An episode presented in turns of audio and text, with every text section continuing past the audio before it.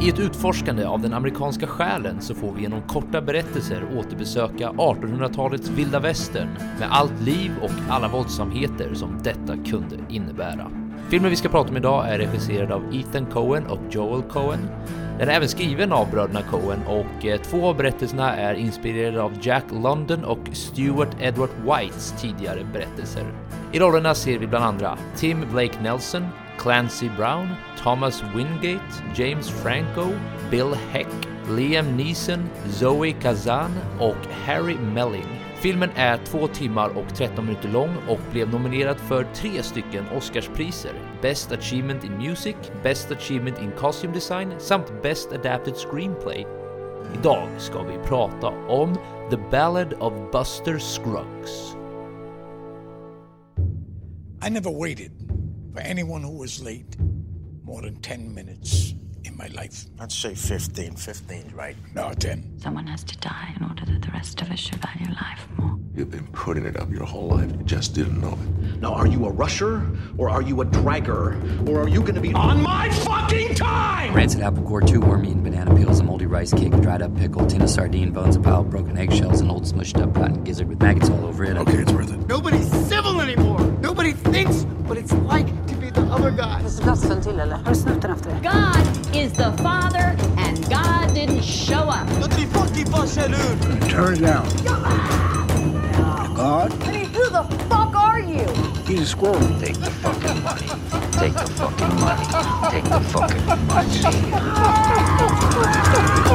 Sometimes a lady likes to have some fun. Hej allihopa och välkomna till ett nytt avsnitt av Spoilervarning med mig Joel Keskitalo och Sheriffen. Benjamin Gabrielsson. Det här är avsnitt nummer 55 och vi ska prata om The Ballad of Buster Scruggs. Ja, som du valde, berätta. Yes. Eh, alltså den här filmen har typ förföljt mig alltså sen den kom skulle jag tro. Alltså den har varit där på recommended videos, eh, next to watch. Ey Joel, har du hört talas om den här filmen? Alltså det, det har varit så jävla mycket påtryckningar om den här filmen känns det som. Ja. Sen såg vi ju dessutom eh, en annan eh, Coen-film ganska nyligen. Är det No Eh, Country for Old Men du tänker? Ja, precis. Ja. No Country for Old Men. Mm. Vilket gjorde att den också blev rekommenderad mycket mer. Och vilket gjorde att jag efter att ha haft ett par månader så här, du vet, bortglömt ett tag, så Mm. dök den upp igen. Mm. Så jag tänkte, jag får väl fan ta och se den här då. Det, det är Ja. väl dags för det typ. Så ja, nej men det... Och det, den dök ju då också upp eh, som ett Netflix-förslag och då tänkte jag att den kör vi på helt enkelt. Ja, men varför inte? Det är vi glada för. Jag tycker det var kul. Kul val, helt enkelt. Ja, får jag höra lite kort då? Innan jag dyker in med vad jag tycker om den här. Nej men vad tycker du? Bara lite, vad, vad är tankarna om The Ballad of Buster Scruggs? Ja, men mina övergripande tankar om hela, hela filmen är väl att jag tycker det är en väldigt underhållande film. Det är liksom bröderna Coen som, som får leka fritt i sin jävla liksom favoritvärld av, av gammal Mm. smutsig västern på något sätt. Så att Ja, jag, det är jag ju verkligen att, deras grej. Ja, det, det är deras favvoämne på något sätt. Och ja, jag tycker det är riktigt härlig och underhållande eh, film. Och det här med att det är olika små stories, liksom som Mm. små kortfilmer, sex stycken är de väl Ja, eh, uppbyggda av. Så att jag, det, det är som, som väldigt annorlunda stil och tematik Mm. jämfört med typ, typ alla andra filmer man ser, tyckte jag Ja. att det, det hade en härlig, liksom, eh, vad säger man, USP, unique Mm. selling point kanske. Så att ja, jag, jag tyckte det var nice helt enkelt. Alltså det jag tycker är nice också med short stories, bara som en liten avstickare här, Mm. det är att det, om vi nu, om det nu är en ADHD-generation som kommer analkande här med sociala medier och eh, du vet, allt vad det heter. Ofta inte den här filmen är perfekt för sådana som har typ så här attention deficit disorder, alltså som inte klarar av att ta sig igenom långa projekt. För här har du en kort story, du tar dig igenom den, ja, antingen lämnar du ett avtryck eller så gör du inte det. Sen vill du ta en paus efter det, ja, kan du göra det om du vill. Ja. För jag har ju märkt till exempel bland polare till oss också att det är ett motstånd att dra på en film som är över två timmar lång. Ja, ja. Det ja, men är lite av ett projekt numera för folk. Ja, Verkligen. Speciellt om det är vatten de inte riktigt vet vad, hur Precis. djupt det är liksom. Att, vad, vad är det för typ av film? Oj, kom, kommer Ja. Joel med någon svår film? Ja, vet, då, är det, då är det extra svårt att dra på, det kan jag tänka mig. Är det här värt min tid? Ja, nej, det var som sagt bara en liten avstickare varför jag tycker short stories funkar väldigt bra för eh, folk som bara inte pallar ta sig an allt för stora filmer. Ja, ja. Men... Ja eh, men eh, det har ju typ varit jag som har börjat varenda podd känns det som hittills, så den här gången kan väl du få hugga in Joel? Vad, vad känner du? Vad tycker du? Berätta! Ja men absolut, alltså jag tyckte jättemycket om den här filmen. Alltså så jävla mycket faktiskt.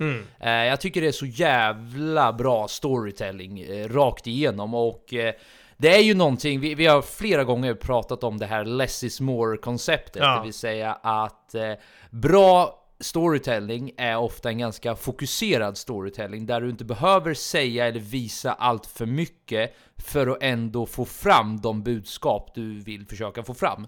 Och eh, ingen film gör det bättre än vad den här filmen gör. Alltså, jag överdriver ju såklart, det är klart det finns... Du fattar vad jag menar. Den gör Ja, ja, jävligt ja. bra i alla fall. Och det jag tycker den här filmen försöker få fram, och eh, det jag tycker är liksom... Eh, vad ska man säga? Jag tycker att det här är lite av en allegori, eller en liknelse, eller en symbolisk representation av den amerikanska själen faktiskt. Okej, ja. Ehm, du vet, USA har ju varit väldigt mycket på nyheterna på sistone. Och eh, amerikanare... Jämt, skulle jag vilja säga, men ja, det men jag menar, de är ju alltid i nyheterna. Och de är så jävla speciella de amerikanerna. Alltså, de, de är så jävla excentriska allihopa. Det är, det är så här, det ska alltid ske, alltså det är alltid den här axelryckningen och bara du vet, ja det är fan USA alltså, de är galna. Alltså så här, love them or hate them, de är fucking galna där borta. Men ändå på ett charmigt sätt, förstår du vad jag menar? Det, det, det Ja, finns ändå, man älskar att hata USA, men man älskar också USA på något jävla paradoxalt sätt. Ja. Och här vill jag dra en liknelse lite i vad eh, Sigge Eklund sa i ett podcastavsnitt av eh, eh, Alex och Sigges podd. Den heter väl bara så? Det var så länge sedan jag lyssnade på den. Ja, jag med, men jag tror den Ja. heter så. Alex och Sigge, den hette så Alex och. Sigges, ja precis. Ja. Där han, och jag ska inte återberätta hela tesen han hade, men i korthet så, så hade ju han ett argument för att eh, de som först kom till USA, eller inte de som först kom kanske, men de som invandrade runt 1800-talet där. Det var oftast eh, de människor från Europa som var missanpassade i de samhällena. Och eh, hans huvudpoäng var ju att temperamentet passade inte dem. Utan det här var sådana ADHD-människor som som ville ha frihet, som ville utforska sin egna kreativitet, som ville göra något av sig själv, som inte ville vara bunden kring kungar och du vet, eh, parla, du vet vad det än skulle kunna vara, utan vi ska ut, we're gonna grab the American dream and we're gonna create our fortune. Och sen drog de iväg över Atlanten och landade på eh, Nordamerika. Så ha med dig den i bagaget nu. Mm. Det är precis så jag ser liksom essensen av den amerikanska identiteten. Och eh, jag tänkte så här nu att eh, jag vill tillsammans med dig och med våra lyssnare gå igenom varje sån här liten short story för att bara försöka bena ut här vad det är jag menar och hur jag tycker att de här eh, egenskaperna synliggörs så jävla bra. Och eh, det kan vara långsökt, jag kanske gräver allt för mycket, men bear with me i så fall. Ni, ni, ni får lyssna och sen får ni gärna kommentera om ni tycker jag har rätt eller fel. Men det, det är lite så här jag ser på det i alla fall. Ja, kul. Så låt oss dyka in då Benjamin. Vi börjar väl med första scenariot, som Ja. heter, eller första storyn som heter The Ballad of Buster Scruggs. Ja. Men eh, innan jag börjar, kan jag få höra dina tankar om det scenariot bara? Ja, vad, men vad, tänker du när, när cowboyen bara smäller upp dörren och gör sin entré? Ja men jag tyckte att den kändes liksom väldigt rolig. Han, han pratar ju och sjunger med oss. Han, han liksom bryter Ja. den här fjärde väggen och liksom, ja det gör ju att det får en väldigt så här härlig, nästan lite skämtsam ton. Ja, och dessutom är ju hans eh, häst och hans egna kläder helt lysande vita i den här världen full av smuts. Så det Mm. finns liksom en nästan skämtsam ton som jag, ja men som jag verkligen började gilla här. Och jag tror att det var nice eftersom det satte tonen för liksom hela den här filmen Ja, eftersom det här var den första. Så att eh, på något sätt så kunde jag ändå, eh, ja men jag tyckte det var en härlig liksom start. Det var som att, jo men kom och följ med och ha lite kul med bröderna Coen, woho! Så kändes det typ. Så att, eh, ja det, det var, jag ska, jag kan redan nu avslöja att det här var liksom inte min favorit av dem alla, men den, den jag tror den gjorde sig väldigt bra som en, som en start på hela, hela alltihop på något sätt. Vad tänker du? Mm. Ja, nej, det var, det var inte min eh, favorit heller nödvändigtvis, men Nej. ja, verkligen en explosiv intro. Och jag gillar på något sätt att han hela tiden pratar med oss. Alltså han tittar ju in i kameran hela tiden, bryter Ja. fjärde väggen och liksom förklarar vad det är han håller på med och vem han är och så vidare. Mm. Men eh, det är ju här äventyret börjar för mig över, av min egen analys Mm. av den amerikanska själen. För här har vi en 1800-tals stereotyp av amerikanen. Mm. Alltså det är sådär människorna såg amerikanare på den här tiden. Det var en cowboy med sin hatt, sina pistoler, sina boots, Mm. väldigt excentrisk, väldigt glad, väldigt pratglad, leende hela tiden. Du vet, alla de där grejerna. Och i, den, alltså, i och med att, eh, alltså så här, den här filmen, de här scenarierna ska ju kanske inte tas allt för seriöst alla gånger, för speciellt den här, de tar ju det till sin spets Ja, verkligen. ja. Men jag tycker ändå det lyfter någon sorts poäng i Ja, så här galna är amerikaner till viss del. De är verkligen så här, och de gör det alltid med någon sorts eh, Ja men någon sorts, eh, det är okej att dö typ. Alltså de, är hela tiden Det finns en glimten i ögat inställning konstant. Precis, det finns hela tiden, för det får man ju till och med se när han sen förlorar den där duellen mot den andra excentriken då. Den andra, den andra stereotypa amerikanen skulle jag Ja, vilja just hävda. Den lite Eh, mindre glada då, men, men lika Precis. liksom karaktärsfull på andra sätt. Ja. Varför är han lite mindre glad? Han är ju ung, han har ett helt liv på sig av den här äh, excentriciteten och eh, utveckla sin egen liksom, lycka över livet. Och eh, ja, men jag tänker det, livet är en klackspark om man får ta det som det kommer. Så Mm. perfekt intro för att lyfta att ja, ja, men det här, det är, det, han representerar för mig något amerikanen som resten av filmen nu ska försöka undersöka, Mm. analysera. Verkligen. Så, då går vi vidare till scenario nummer två då. Ja, ska jag börja på den också då? Det tycker jag. Vad, alltså wow, vad tycker vi om det scenariot? Vi kanske ska säga också att det, den heter väl Near Algodones, har jag för mig att den heter. Ja, bra. Jag har noll koll på vad de heter. Jag har skrivit James Franco-scenariot i, i stora bokstäver här. Så det är ju den med James Ja. Franco när han, när han ska bli hängd helt enkelt. eh, Precis. I stora delar av, den här lilla, lilla berättelsen. Men, ja, men jag kände ju liksom så här: okej, nu går vi långsammare mot någon slags mörker. Den här kändes dystrare och mörkare än den första, med liksom hängningar och en hel del fighting och så, men, men den hade samtidigt en, en lite skämtsam ton i sig ändå, som, som, som höll i sig nästan från, från det tidigare, men inte alls på samma sätt. Men jag gillade den eh, verkligen. Jag tyckte att den hade liksom väldigt ja, men väldigt mycket nice i sig med hela tonaliteten och det här, det här liksom, ja men mörkret som börjar komma som inte alls jag tyckte fanns med i den första, men här kände man okej, det här kanske inte bara blir någon jävla wiho-grej som jag sa till Nej, den första liksom, utan nu, nu, nu börjar vi mer och mer komma in i någon slags, ja men kanske bröderna Coen när de är som allra mest dystopiska som de ofta är, och då, Ja. då finns det ett jävla mörker där, och här, ja nu kände jag att okej, vi börjar närma oss det där, det där mörkret, och det, ja men jag vet, jag, jag gillade den, det gjorde jag verkligen. Ja, jag måste bara dra tillbaka för jag, jag sa wow inför det här, men så kom jag på att jag tänkte på fel. Det är egentligen nästa story som är wow. Spoiler! Eh, inte för att den är, ja visst, vi heter spoilervarning trots allt, så det är okej. Men eh, inte för att den här inte var cool på sitt sätt, men det var i alla fall det jag menade. Ja men Så, den var väl snarare cool då kanske, men ja fortsätt. Det jag tycker här är eh, bankägaren. Alltså det, det är han jag på något sätt vill lyfta Ja, i det här scenariot. Mm. För där är vi, enligt mig har vi en annan, liksom, om, ett, eh, om en människas personlighet är ett pussel, Mm. så är det här den andra pusselbiten i den amerikanska personligheten.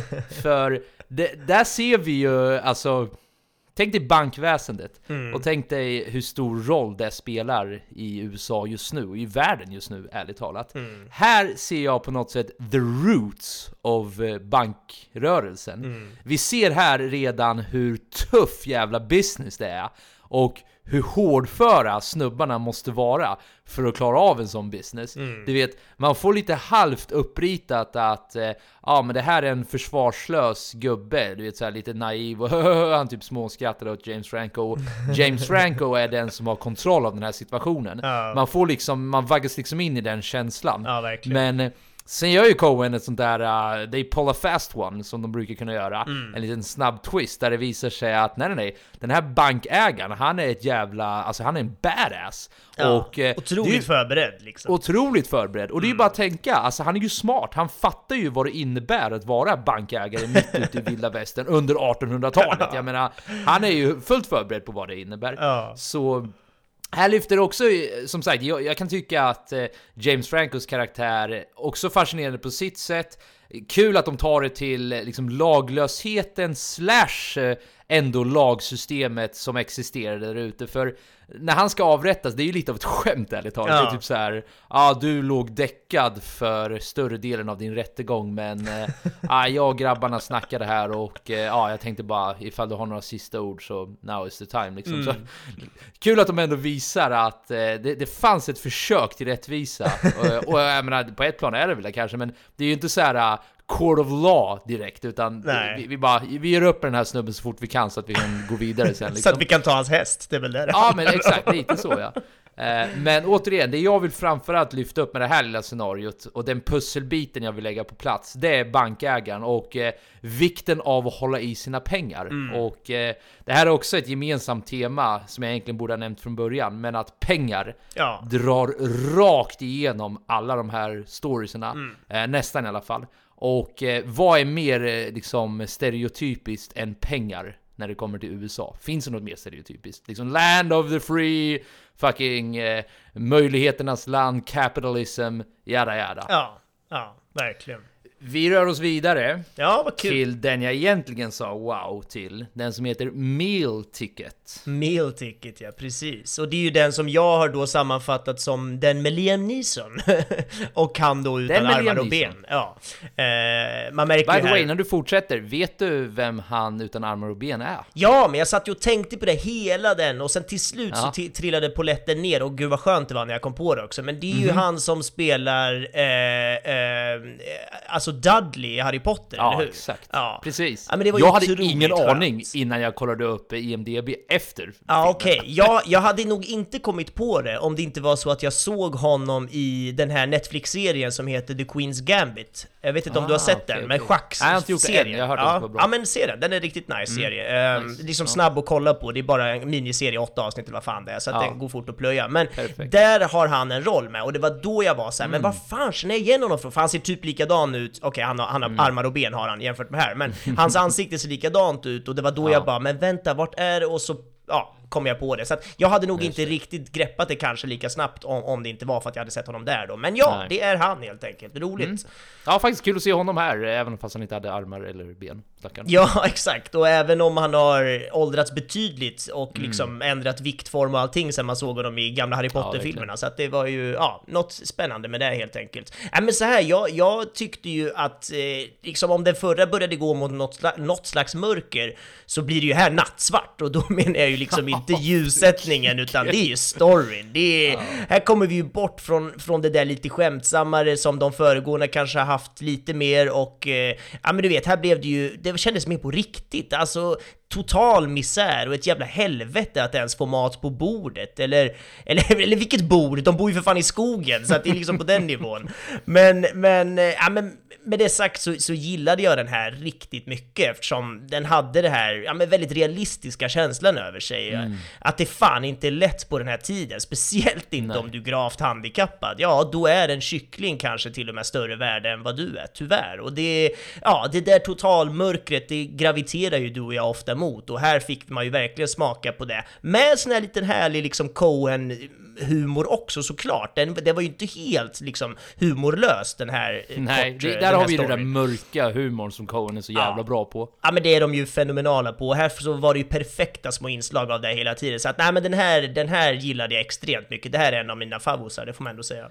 Ja, kommer du ihåg, eh, vi poddade för väldigt många avsnitt nu sen skulle jag tro, om eh, Nightcrawler, kommer du ihåg den filmen? Ja, det gör jag. Och utan att s- Ehm, ja, eller, Ja men vad är det han heter? Jag vill ju bara säga hans namn. Ja, vad är det han heter nu igen? Eh, Jake Gyllenhaal? Ja, såklart. Ja, Jake Gyllenhaal. precis. Fantastisk prestation i den filmen. Ja, verkligen. Och eh, då drev jag tesen, och jag ska inte spoila filmen nu nödvändigtvis, utan jag ska bara berätta vilken, vilken tes jag drev där. Då drev jag tesen att eh, psykopati går väldigt bra ihop med kapitalism.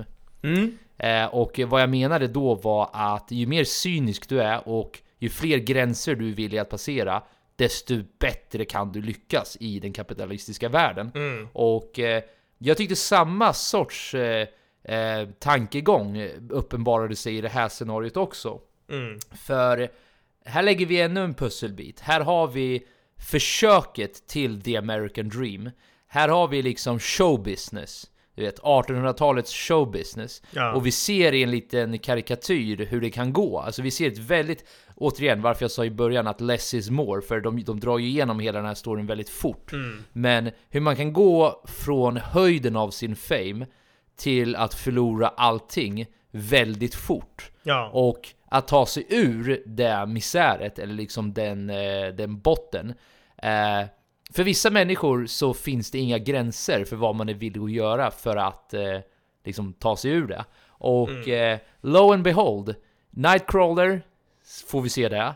Och här, återigen, halvt så här, det är ju implied, man får inte faktiskt se det, men han fucking dränker ju honom. Han slänger ju Ja, fan ner honom ja, i floden. För det, det, han, har inte, han tjänar liksom inte mer, mer pengar åt honom. Och jag tycker också att det här symboliseras väldigt bra igenom hela storyn också, för om du tänker på det så har ju de två, de säger ju ingenting till varandra under hela Nej, storyn. nej, det. Och Mm. jag tycker det också representerar den här kalla affärsinriktningen som då Liam Neesons karaktär har. Att eh, han, den här karaktären, eller alltså... Eh, vad heter han? Dudleys... Eh, jag tror han heter Harry Melling, heter han. Harry Stämmer Melling. nog, ja. Eh, hans eh, karaktär. Han betyder bara någonting så länge han kan tjäna pengar. Mm. Och eh, kan han inte tjäna pengar, då är han inte värd mer än en kyckling. Och det är inget talesätt jag slänger in, utan det är de facto vad som händer. Han blir ju ersatt av en kyckling, Mm. Ja. för det visar sig att kycklingen kan tjäna mer pengar. Mm. Eh, så pusselbit nummer tre tillagd är att här ser vi hur man är villig att, hur amerikanare då, då om vi bara ska halvt, eh, vad heter det, fortsätta med min värdelösa analys här. hur, hur, hur liksom cyniska och hur lätt det är för dem att bara fortsätta trycka på gasen, fortsätta tjäna pengar, fuck moral, fuck liksom eh, vänskap, jada jada. Ja. Vi har vårt fokus liksom. ja, verkligen. Och det, du sätter ju fingret på mycket här, men det är väl i, ja, jag har egentligen inte så mycket att lägga till, men det, det finns någonting väldigt ehm, eh, ja, vad är det för ord jag söker? Men det finns någonting väldigt eh, absurt i det här liksom Mm. totala nattsvarta med att han ska slänga honom över en bro och liksom Ja. byta ut honom mot en kyckling eller höna eller vad fan det är. Alltså det, Ja. det är ju, det kan ju inte bli mörkare än så på något sätt. Men det Nej. säger ändå så mycket om liksom livet och även idag. Mm. Jag menar det, ja, jag ska inte dra konstiga paralleller men Ja det, men alltså jag vet vart du är på väg, Ja. alltså, det är de parallellerna jag drar själv. Man ser ju det här på så stor skala Ja, nu. exakt. I till exempel ett land som USA, vilket är ju varför jag hela tiden refererar till Ja. att det här är, det här är deras själ, eller det här är, det här är vart de kommer ifrån. Mm. Ja, precis. Ja, det finns något väldigt träffsäkert i det där som är, ja det är häftigt, intressant. Sen då, All Gold Canyon. Just det, Oj. Guldmannen har jag skrivit Oj, här. oj, oj, oj, oj. Vackert. Ja, men här kände ju jag liksom en härlig upplyftande känsla eh, som, som Ja. nog mest berodde på att det var ju så jävla total super mega mörkt i berättelsen Ja. innan så att det här blev en härlig kontrast men, men också för att den var, ja men det var lite spännande så här, vad håller han på med? Vad är det han letar efter? Jaha, det är guld, okej, ska han hitta något guld? Ja, han hittade guld, okej, så vadå, ska han dö nu? Vänta, han lever, woo! Alltså det var hela tiden det här att vi var med honom och, och sökte någonting och det var liksom Ja. Lågmält och lite roligt och ja, men det var något annat än det vi har sett tidigare och det var en jävla härlig story att få följa med på helt enkelt. Mm. Så den här, ja, jag tyckte mycket om den också, det gjorde jag. Ja, det jag gillar framförallt med den här är ju att den, den, som du säger, det är ju verkligen en vändning från hur det tidigare scenariot var. Mm. Och eh, här vill jag gå tillbaks lite till det jag sa i början, att eh, man älskar och hatar amerikanare. Men man älskar dem också samtidigt. Ja. Det är ju någonting beundransvärt med dem, för jag kan tycka att, eh, och det är därför jag tycker det är så perfekt att de ligger precis bredvid varandra, de här två scenarierna, för nu har vi haft det här nattsvarta och där man verkligen kan titta på den amerikanska personligheten och säga vilket mörker det finns där, att man kan vara villig att sälja sin själ så här grovt för pengar. Men precis när man har landat i den slutsatsen, då kommer vi till eh, den här eh, guldgrävargubben. Och eh, jag tycker ju att han representerar det här The American Dream-idealet i sitt esse. Förstår du vad jag menar? Det finns det här också inom dem, att är du bara en hardworking och ärlig människa och eh, inte vill göra för mycket väsen om dig, du vill inte nödvändigtvis skada din omgivning, du vill jobba hårt och liksom känna känna att eh, mödan var värt det, för även om du inte blir miljonär kanske, så du har ändå med dina egna bara händer kämpat fram din rikedom.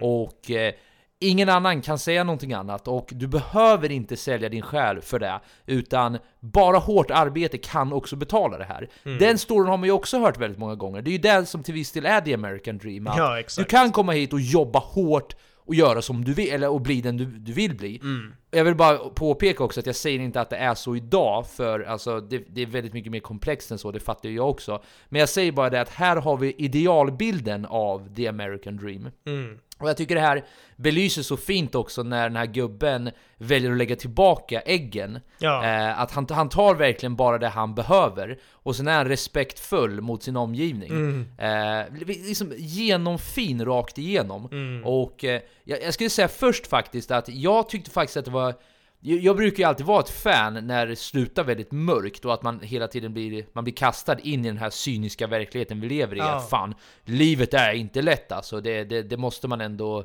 liksom greppa. Mm. Men här var jag fan glad att de inte lämnade det så. Det kändes faktiskt, eh, det kändes som att eh, storyn hade, den här poängen hade inte nått sin fulländning.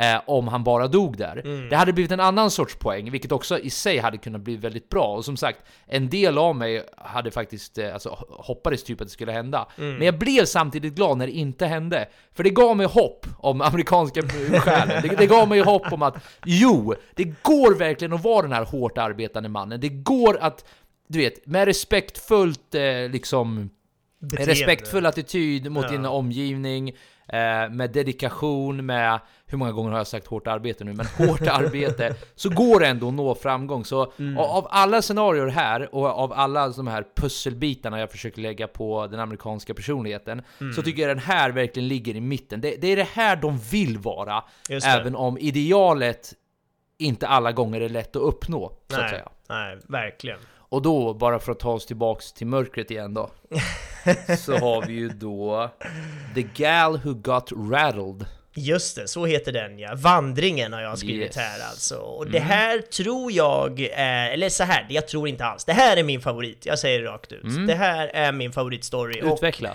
ja, men jag tror att det beror på flera saker. Först och främst så är det den enda som handlar om en kvinna, Mm. vilket jag för övrigt tar som en liten kritik. Eh, jag tycker kanske att åtminstone en till av berättelserna skulle Mm. kunna haft en mer prominent kvinnlig karaktär. Ja, faktiskt. Alltså jag förstår att det är en mansdominerad värld på, på något sätt, men Mm. Det gör ju nästan ännu, det gör ju det nästan ännu mer intressant att få se hur det var då för stackars kvinnor som Ja, inte verkligen. hade det speciellt ja, men bra eller hade ens någonting att säga till om i den här jävla världen. Så att, Mm. ja, jag, jag tycker att det hade kunnat varit eh, jävligt intressant att se nå- något mer kvinnligt perspektiv. Mm. Men förutom det faktumet att, vi här hade en kvinnlig protagonist så, så gillade jag också den här för att det var liksom genuint snälla karaktärer. Mm. Hittills har det mest handlat om liksom galna och giriga människor då, förutom att han den sista var, han hade något gott i sig också såklart som du nämnde, Guldmannen där när han plockade äggen och det där.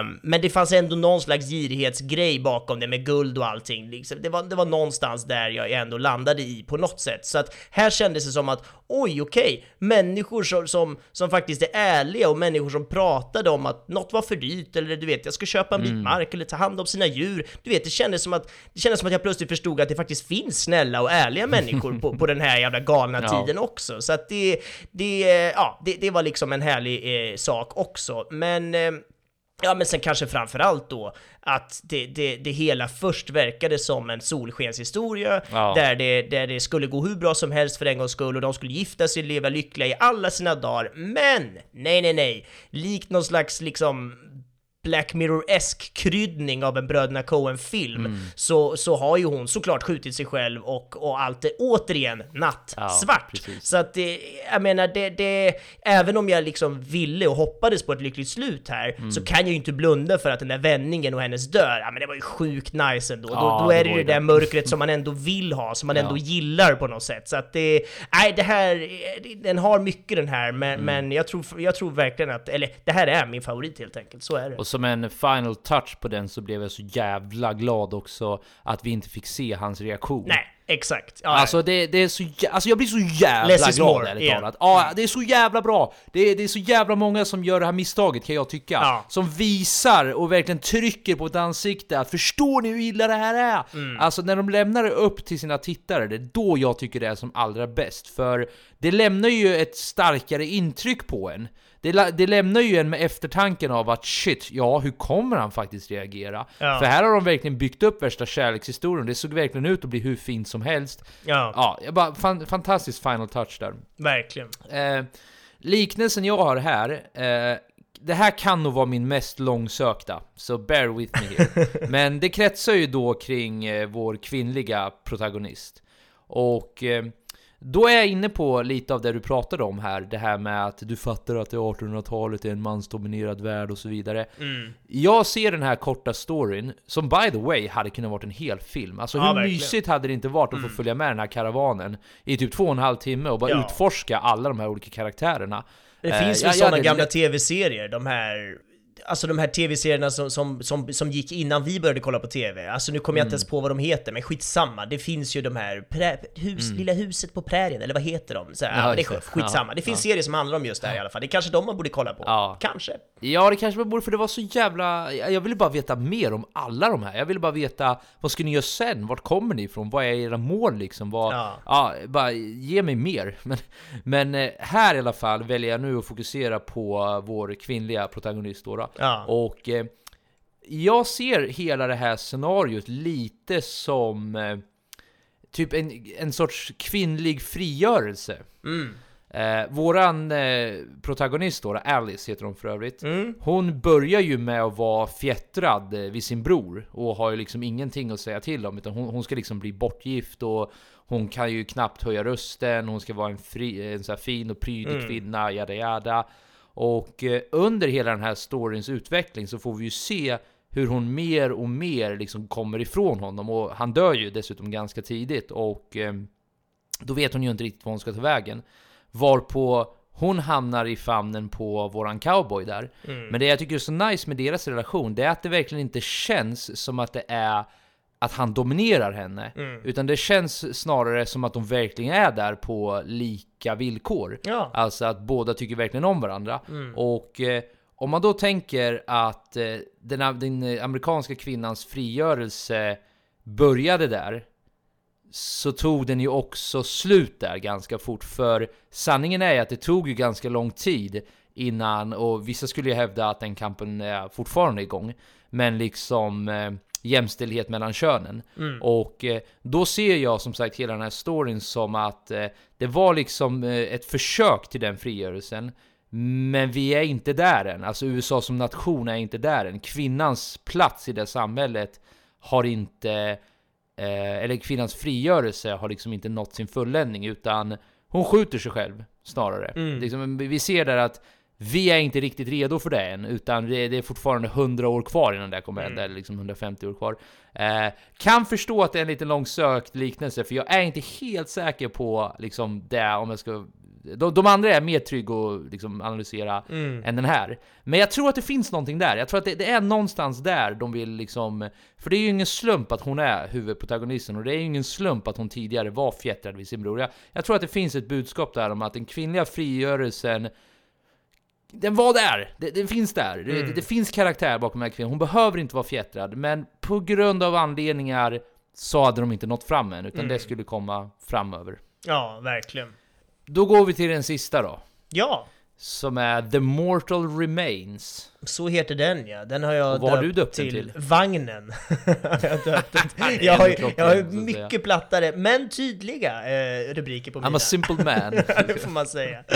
Nej men jag, jag kan ju väl tycka att det här är kanske en av dem jag tycker minst om, tror jag. Ehm, dels för miljön då, alltså att hela den här berättelsen är inspelad i, i den här vagnen och Ja. den är ju då inspelad i en studio. Och då blir det ju direkt, jag blir direkt mindre tänd på det. Det känns liksom green screen och allt blir lite mer på låtsas, vilket tyvärr tar bort en del av tjusningen för, för just mig då. Så att det är en del av det. Men samtidigt då så tycker jag ju att liksom samtalen och karaktärerna var väldigt underhållande. Jag gillar hur de gick från att de var typ främlingar till ett nästan bråkande sällskap till att sen bli någon slags vänner igen för att de blev så rädda. Eller ja, de var ju inte vänner, men ändå, det fanns liksom en härlig karaktärsutveckling som var väldigt underhållande i hela, hela den eh, berättelsen. Ehm, men eftersom alla andra enligt mig, alltså de här andra storiesna vi redan haft, har varit så starka på olika sätt, så, så ja, den här hamnar nog på sista platsen då, får jag nog säga. Ja, det gör den nog för mig också. Även fast jag kan uppskatta den jättemycket för vad den försöker göra. Eh, stundtals här så fick jag faktiskt vibbar av The Hateful Eight. Ja. Du vet när de sitter där i vagnen i början av filmen och liksom pratar om deras eh, respektive upplevelser av ja, men livet egentligen. Och Ja. då är det också ett väldigt omaka par. Det är liksom, det är en Bounty Hunter, det är en tidigare sydstatssoldat, det är en, eh, eh, ja, det är en annan Bounty Hunter, men han är svart, vilket den identiteten spelade ju väldigt stor roll under den tiden. Så det är ju verkligen ett, eh, en, eh, en brokig skara. Och eh, det är ju lite här också. Här har vi ju liksom Ja men ett fyllo, en, en gumma och en fransman. Ja. Det skulle kunna vara en sån här bra bar story typ såhär. Ja, en, eh, en tysk, en en Bellman-historia. En Bellman, så exakt. Men det jag tycker är så nice här, det är att eh, här är vi liksom, eh, om hela den här filmen har varit eh, min lilla personlighetsanalys av den amerikanska själen, deras liv, eh, ja allt det där, så är ju det här slutet på det här hektiska, excentriska, pengajagande, galna livet liksom. Och här får man se, dels får man se att eh, amerikaner är ju mer än bara de liksom vita eh, brittiska européerna som klev in. Det, det, det var ju en stor skara människor. Eh, där liksom fransmän kunde vara involverade, spanjorer kunde vara involverade, britter, sven... Alltså det var ju jättemånga olika. Det är ju det som, det är det som gör USA också fascinerande på ett plan, att Ja, det är ju ja. ett invandrarland, är det ju verkligen. Eh, och det jag tycker är så nice här, det är att här har vi verkligen olika vägar alla de här äventyrarna hade tagit när de kom liksom till Amerika eller liksom när, de, när de satte igång i det här äventyret. Eh, men det som enar alla i slutändan, och vilket jag också tyckte att Buster Scruggs eh, lyfte lite i början, för det Buster Scruggs sjöng om i början var ju hela den här om att eh, Ja, det är en cowboys tur att för, föra till himlen typ, se till att eh, låt min häst flyga och så vidare. Ja. Och samma slutsats kom ju den cowboyen som sköt Buster Scruggs till. Han visste ju också att, eh, eh, och det, det stod för övrigt på sista sidan innan det, den, den storyn skulle gå vidare, så stod det att han också reflekterade över att en dag kommer jag också liksom hamna i, eh, ja mitt äventyr kommer också vara slut förr eller senare. Och så är det ju. Det som enar alla de här är ju det faktum att vi ska alla dö förr eller senare. Och ju mer man vaggas in i det här och inser att shit, de här är ju på väg till sin död, desto mer förändras liksom kontexten av allting de har sagt till varandra. Då blir det verkligen en liten genomgång över hur de leder sitt liv. Vilket för mig gjorde så här bara att wow, shit, men då måste jag ju se om allting här nu. För nu när jag har den kontexten, för jag visste ärligt talat inte var, vart de var på väg först ju. Alltså det, de, de försöker ju ändå dölja det. Men så fort jag fick reda på det så då, blev det, då var jag tvungen att se det igen, för då blev det verkligen så här. Ja men de sitter ju och reminissar här utan att de faktiskt riktigt förstår det själva. Så, ja men det var mysigt på sitt sätt och, och jag tyckte det var fint att de knöt ihop den säcken för där var det amerikanska äventyret liksom. Vi fick de olika delarna som är mest eh, centrala för den amerikanska karaktären och vi fick också ett fint avslut på det. Så låt mig bara säga att det här är min egna amatöranalys. Det kanske inte är alls det här som Coen-bröderna söker, men för mig var det här liksom en, en ganska nyanserad jag vet inte om jag ska säga hyllning kanske, men det, det, det var en nyanserad bild av vad den amerikanska själen kan vara för någonting. Så eh, ja, det, det är väl typ det jag har att säga om det. Ja, men det är väl fantastiskt. Jag tycker det är jättekul att du ändå har gjort en sån gedigen analys, åtminstone för din egen del, eller för egen skull, så att säga. Och jag tycker den är helt underbar. Det är jättekul. Jag som mer har gått in på liksom det tekniska och väldigt löst på storyn tycker att det är väldigt kul att höra en sån här analys på storyn då, eftersom jag själv inte alls har någon sån. Så att det, äh, men det är skitkul. Och jag, det, det känns ju som att det absolut skulle kunna vara något sånt här som, som bröderna Coen är, är inne på här. Jag menar, de gillar ju att, att ha olika undertoner, de gillar ju att berätta saker mellan raderna, de gillar gillar ju att, att överhuvudtaget liksom både smutskasta och romantisera hela liksom USAs väsen på något sätt. Så att det, det, det, kan absolut ligga i mycket av din analys här som jag ändå tror att de, de kanske är inne på också, absolut. Men du, jag tyckte att eh, jag fick med ganska mycket om vad jag tyckte där också. Ja. Så vill du röra dig mot det tekniska eller har du något övrigt du vill säga om själva filmen? Nej men det, det, det, man, vi skulle ju kunna fortsätta prata om detaljer hit och dit, mm. men det, det, känns inte, det känns som att jag också har täckt det jag egentligen vill få fram, så mm. vi kan absolut gå till det tekniska. Men take it away då, vad har vi på det tekniska? Ja men vad härligt, nu är det min tur att prata till alla er som undrat varför jag har varit så tyst. ja men filmen är filmad digitalt med en Arri Alexa XT Studio och även en Alexa Mini i vissa scener då. Och eh, det är ju lite roligt att det här är, eh, ja men bröderna Coens första film som de filmar filmar digitalt, alltså inte med analog film i kameran. Mm. Vilket ändå är intressant eftersom digitalt har varit standard i typ ett decennium nu, men det säger kanske något om brödernas härliga liksom, relation till det här riktiga cinema inom citattecken som vi idag ser allt mer sällan. Så att, eh, ja, hur som helst så var den här filmen filmad digitalt och det syns framförallt i de här underbara närbilderna på skådespelarnas ansikten där vi ser hur skarpt och rent det känns i alla detaljerna. Det är ingen konighet, ingen grynighet alls i bilden utan mm. bara svinskarp, fantastisk kvalitet och jag själv såg den här på en väldigt ny TV med extremt bra upplösning, alltså så här riktigt 4K bild. Så eh, jag var nästan lite i extas över hur jävla cleant och skarpt allt såg ut, så riktigt jävla snyggt. Ja. Men varför valde de att filma digitalt överhuvudtaget då? Jo, det var så här att framförallt fotografen då till den här filmen, alltså fransmannen Bruno Delbonnel, han övertalade bröderna att spela in den här filmen digitalt. Han visade dem en sneak peek på hans just då kommande film som var Darkest Hour, som vi har poddat och eh, sett, Johan. Ja, just det. Ehm, så den hade han precis spelat in och filmat då, men den var inte släppt än. Så då så visade han en liten sneak peek till dem, ehm, och där blev de helt enkelt väldigt imponerade över hur bra han hade lyckats fånga ljus och skuggor med enbart digitala verktyg. Um, och sen var det ju många praktiska skäl som gjorde att de, de verkligen kände att det var rätt att filma digitalt. Bland annat var det just att ha friheten att kunna direkt kolla på materialet som de hade filmat och även att det skulle bli mycket enklare med CGI som de ville använda och dessutom alla allmänna liksom, ja men det är allmän kostnadsfråga eftersom det idag är så mycket billigare att filma digitalt än analogt. Mm. Men okej, okay, bildspråket då som jag alltid brukar prata om. I den här filmen kan vi se att det är ett genomgående stadigt bildspråk Kameran är nästan alltid monterad på ett stativ eller en dolly eller liknande rigg där kameran kan filma väldigt stadigt och utan skak. Eh, men det är ändå väldigt rörligt, alltså att kameran kan panorera och tilta med det som händer i bild, vilket gör att det aldrig känns liksom helt statiskt och stelt.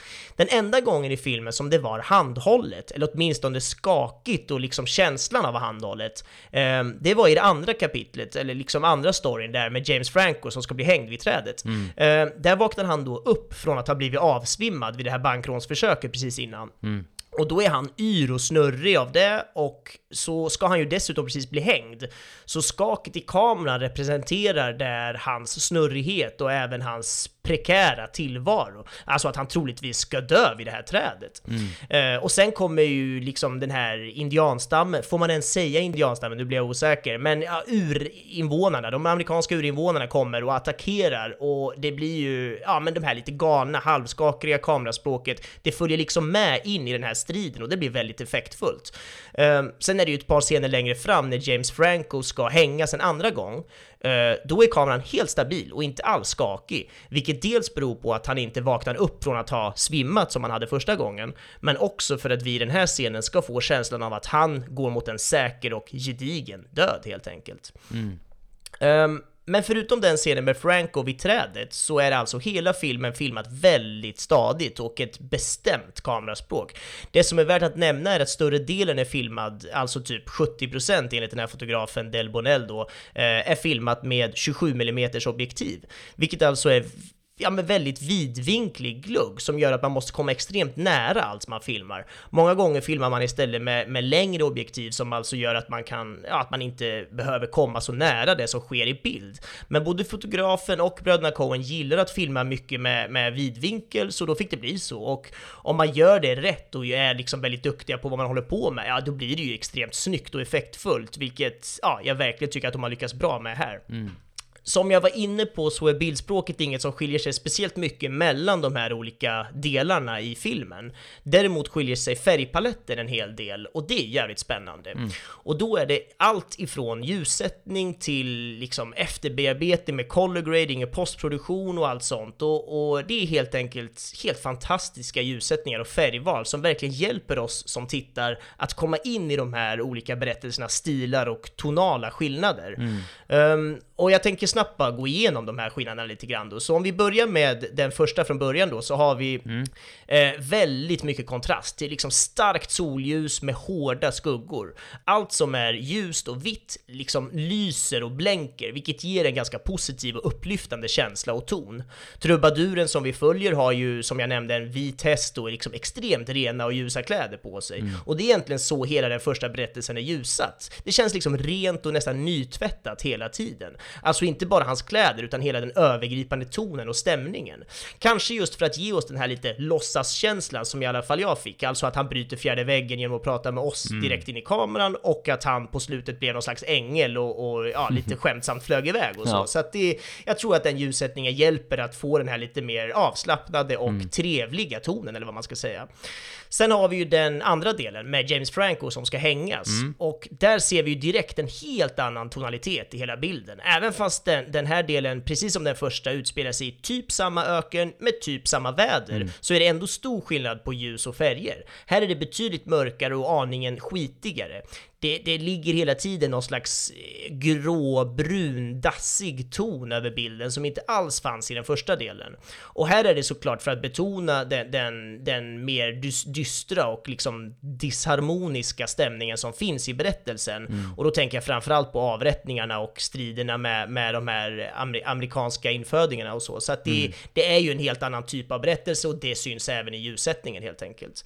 Sen har vi den tredje delen med Liam Neeson och han utan armar och ben. Mm. Eh, där har vi ju en ännu mörkare och ännu skitigare tonalitet i bilden. Ja. Vi har dels eh, ett kallare klimat som de befinner sig i. Det är ju liksom en del berg och snö och regn och så vidare. Och eh, det här gör ju såklart att allt känns kallare, men det är långt ifrån bara vädret som är kallare. Det är liksom färgerna och det är ljuset och ja, här är det ju en konstant ton av liksom grönt, smutsigt mörker som hela tiden trycker ner allt som syns i bild. Mm. Om den första var ren och glad i sin, sin övergripande ton, så är den här, ja men he, rena motsatsen. Här är det liksom otroligt sorgset, skitigt och kallt konstant. Och det beror ju dels på att det är ett kallare klimat som jag nämnde, men även att man vill få fram det här eh, ja men den här väldigt sorgsna och dystra berättelsen. Det ska liksom komma fram i färgerna såklart.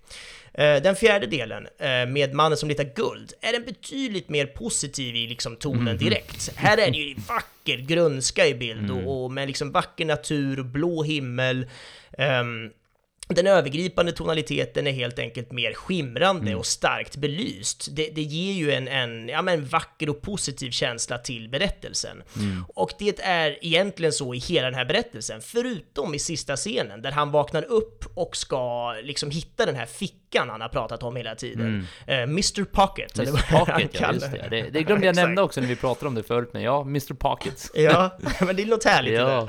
det. Uh, han har liksom blivit kompis med sin ja. idé om att hitta guld guldet. Nej, så jävla härlig gubbe, ärligt talat.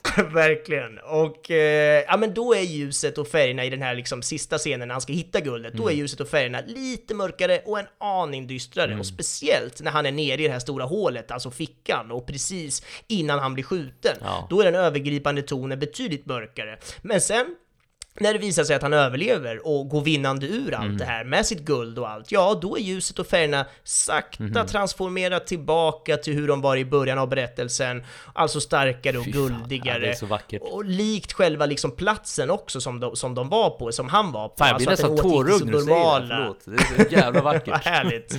Ja det är det, det är otroligt vackert. Ja. Och liksom jag skulle säga att det här med naturen också, den kom ju också lite tillbaka. Mm. Du vet djuren kom tillbaka, Precis. fiskarna i vattnet kom tillbaka och allt blev liksom mer på sin plats. Mm. Och även då färgtonerna i det hela. Mm. Så att, ja, väldigt, väldigt vackert.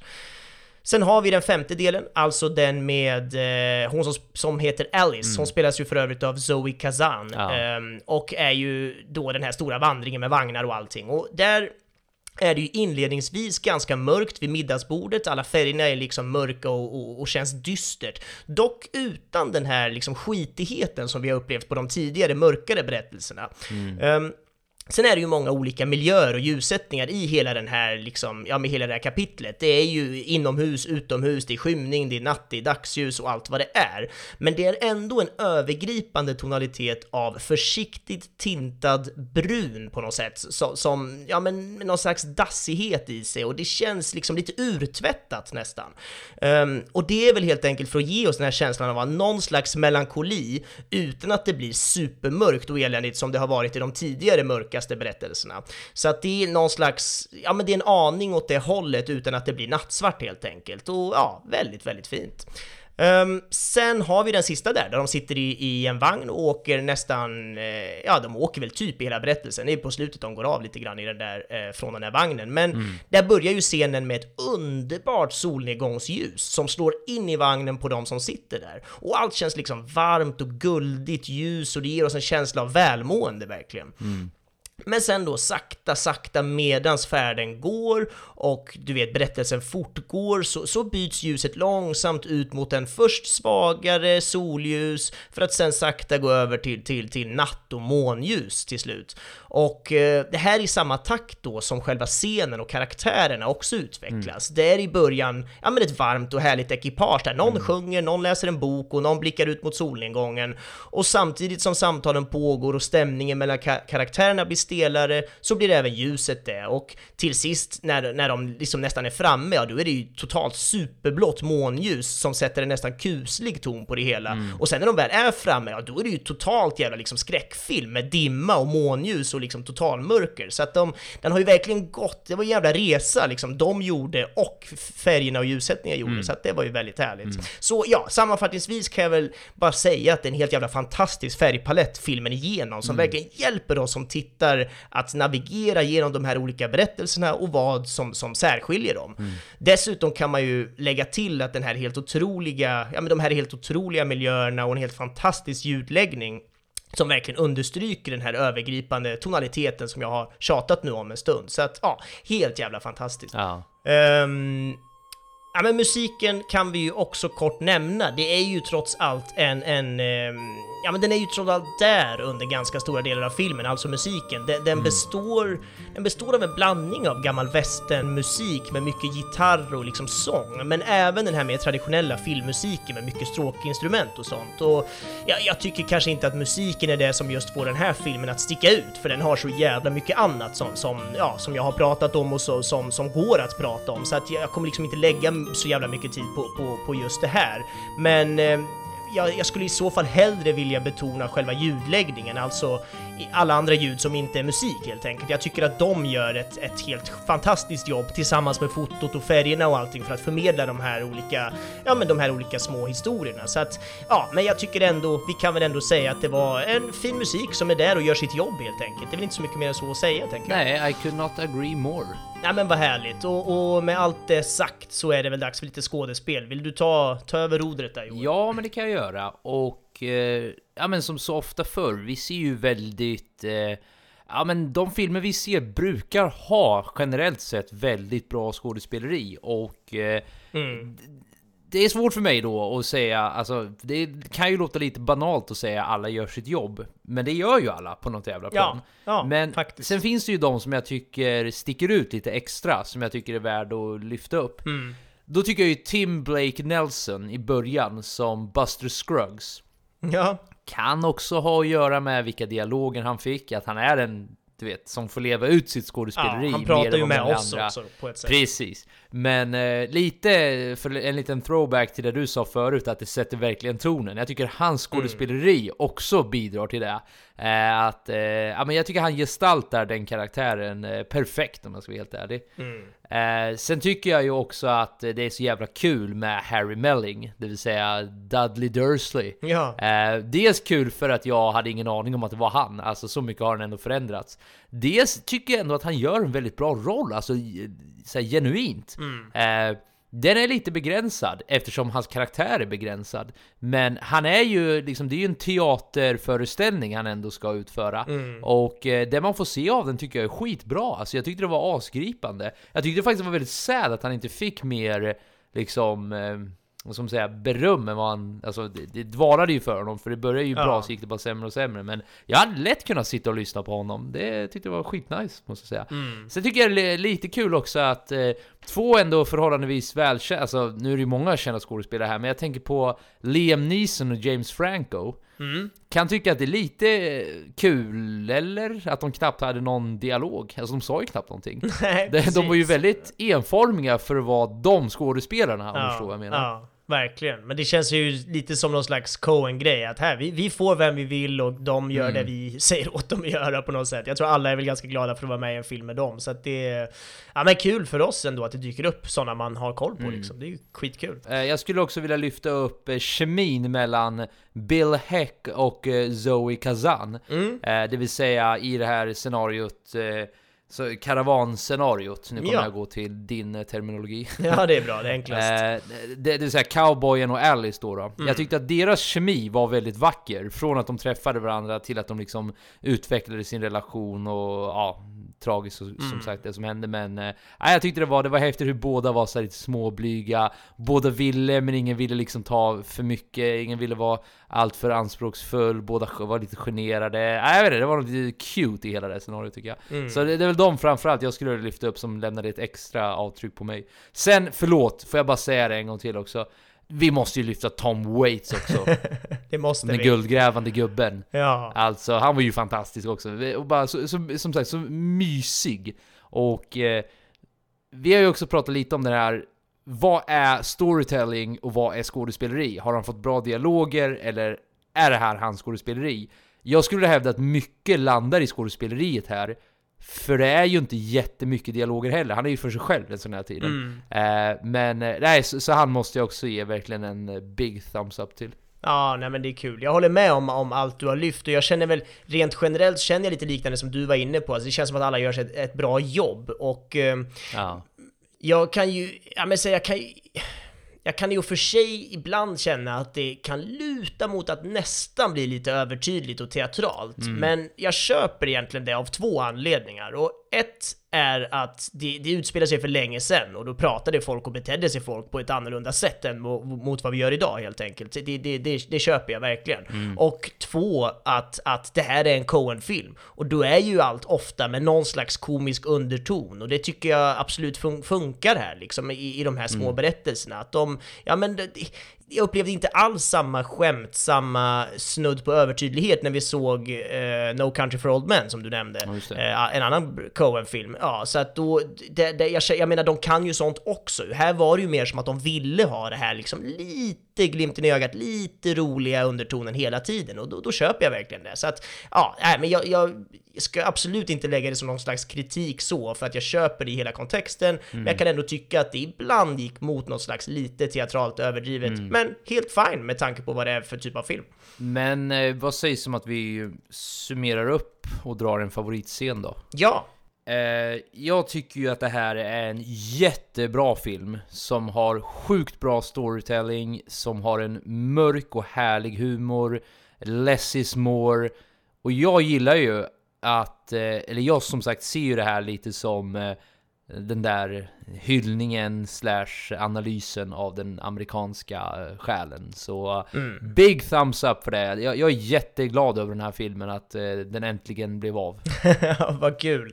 Jag, eh, ja men jag håller ju med. Jag tycker också mycket om den här filmen. Jag tyckte den var väldigt härlig. Jag älskade de här små, att det är liksom små korta historier det handlar om. Eh, och hela den här stilen. Jag menar bröderna Coen i sitt esse, hur de funkar med olika karaktärer och undertoner och allting. Och sen dessutom ett helt underbart tekniskt arbete. Ja men då fångar man mig. Har man de olika punkterna på olika sätt, då, då sitter jag där och ler. Och det gjorde jag den här gången. Så att det var en härlig upplevelse.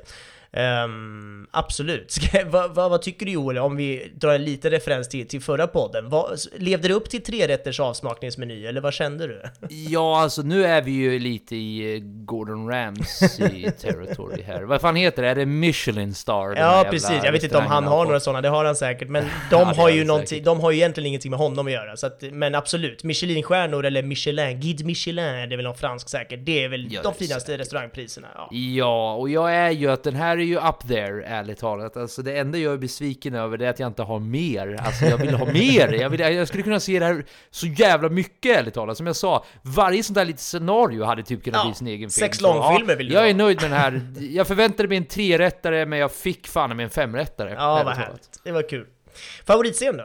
Jo, men eh, alltså det, det är svårt för mig att avgränsa eftersom hela den här storyn var ju i princip så här. Men det var ju då All Gold Canyon. När, när, när han gräver efter sitt guld, eh, han liksom rensar stenarna, han fortsätter gräva. Alltså, som sagt, du, du vet ju vad, vad heter, vart jag menar. Det, det är svårt för mig att säga att just där till där, men hela hans eh, hårt arbetande, det, det tyckte jag var, ja det var, det var något speciellt. Mm. Ja, verkligen. Det var härliga scener. Jag har ju egentligen stått och valt mellan två här och då är det ju den ena är den som fick mig att känna mest och det var ju när hon dog. Du vet när han Mm. Ja. kommer tillbaka och till det där hålet och hon har ju skjutit sig i pannan Mm. som han också beordrade henne att göra. Så att jag menar, Ja, hon precis. gjorde ju allt rätt. Bara det att han var inte död, tyvärr. Ehm, så att det var ju helt i onödan. Men, ja men då... Det lät du säga där- tyvärr. men precis, i det här fallet, för dennes död blev i onödan Ja, på någon jävla vänster. Men okej, kul att han levde I guess. Men äh, jag hade hellre velat att hon levde än han levde. Men, eh, nej men som sagt, det där var en jävla stark scen. Det verkligen fick mig att känna och jag, jag, jag, jag, jag väljer den helt enkelt. Men jag vill också bara nämna kort Mm. att jag älskade den scenen när James Franco är på hästen och de här andra männen som har Mm. liksom haft någon slags förhör. När de helt plötsligt blir eh, attackerade av Mm. de här liksom eh, stammarna som bor där och då, då, det tycker jag är så jävla snygg scen liksom. verkligen. det bara flyger pilar och det är ljudet och det är liksom Mm. hästar och det kommer i kaos och ah, det är jävla häftigt var det helt enkelt. Men då så, då går vi över till lite eh, trivia som den här filmen då. Ja! Vad har du för kul åt oss Joel? Ja, i den sista storyn, Mortal Remains, så Mm. börjar Thigpen att prata om en berättelse han kallar The Midnight Caller. Mm. I filmen True Grit från 2010, också skriven av Coen-bröderna, Mm. så frågar Matty om, ja, det här är då en karaktär i eh, True Grit, eh, om eh, LaBeouf och Coburns karaktärer vill höra en berättelse med samma namn. Och det här är ett sätt för Coen-bröderna att dels koppla ihop deras filmer, men dels också att förverkliga deras påhittade berättelser. Alltså de, de gillar att liksom slänga ut sådana här Easter eggs, som vi i Mm. gamingvärlden kallar det, för att så här, du vet, ja ah, men vadå, befinner det här sig i samma verklighet, eller vad, vad, vad händer liksom? Ja, För det, sånt finns, kul. Det, det finns fler sådana här kopplingar. För Ja. eh, på samma sätt så görs även en koppling till True Grit i storyn Meal Ticket. Mm. Eh, för då kan man se en skylt eh, på ett hus där det står Greasers Bobs. Och i True Grit så refereras den här byggnaden av en, eh, alltså bara en förbipasserande handlare. Alltså det, det är Mm. ingen stor grej, men de pratar ändå om Greasers Bobs där också. eh, så den, den har nämnts i flera kontexter. Vad kul. Nej, men då är det ju som, för det är ju också en westernfilm med liksom liknande Ja, karaktärer precis. och liknande tidsepok, så att det, då är ju den liksom, det är också där, bara att vi fick följa Mm. några andra den här gången. Det är häftigt. Ja exakt, jag, jag, jag tror faktiskt att det är det de vill eh, liksom implicit förmedla att Ja. eh, ja, vi befinner oss i samma universum så att säga, Ja, och exakt. Mm. liksom vårt universum. Eh, med 132 minuters speltid så är det här den längsta rulle som Coen-bröderna någonsin har gjort. Okej. Eh, ja, här har vi annan en rolig koppling, fast då till vår värld då. Så i början av filmen så introducerar Buster Scruggs sig själv som The San Saba Songbird. och han, han hävdar att han är från västra Texas. Och eh, det här är deras hyllning, alltså Coen-brödernas hyllning till Tommy Lee Jones. Ja. Eh, som ju var en av skådespelarna i No Country for Old Men. Då Tommy Lee Jones också är från västra Texas och just San Saba. Roligt. Eh, I och med att vi börjar närma oss ett ganska sent klockslag på den här jävla podden så tänker jag ränta av det där nu. Det finns många mer ni kan hitta på filmens E IMDB-sida och Ja. eh, jag rekommenderar att ni går in och tittar där för eh, ja, det, det fanns eh, ganska roliga, det fanns fler sådana här kopplingar som jag nämnde i början så eh, ja, in och leta Easter eggs. Ja, vad kul. Vi länkar den i Facebookgruppen också kan vi göra. Då så, berätta nu vad nästa film ska bli. Nästa poddfilm kommer att bli Good Time från 2017. Aldrig hört talas om. Aldrig hört talas om, men då kan jag ge dig en liten teaser som kommer att sätta en otroligt spännande stämpel inom dig nu och det är Mhm. att det här är samma två bröder, alltså inte bröderna Coen, utan andra bröder, Mm. eh, samma två bröder som gjorde Uncut Gems som vi poddade om. Oj, spännande! Och det här var den, de har bara gjort två långfilmer, Uncut Gems och den här, och den här kom före Uncut Ja. Gems. Och jag hade inte sett den, men hörde talas om den då i samband med att vi började liksom, ja, man, man upptäckte dem lite grann Mm. då. Så att, ja, jag tänkte att kul, vi testar den och ser vad de har att leverera. Ja, skitbra. Men, men, eh, men good time, 2017 i alla fall. Eh, hörni, vi är sjukt tacksamma att ni har lyssnat. Berätta nu vart eh, ni kan hitta oss. Vi finns ju där poddar finns och eh, det som är jättebra är att följa oss på Facebook för där finns ju allting. Alltså länkar till, till roliga saker, intervjuer och sånt om filmen men även kommande liksom inför filmen. Vart filmen går att se, vad blir det ens för film och sådana saker. Så följ oss på Facebook, där heter vi Spoilervarning. Bra, men eh, då säger vi tack för idag hörni och på återhörande. Ha det gött! Ha det! Hej då! Hej!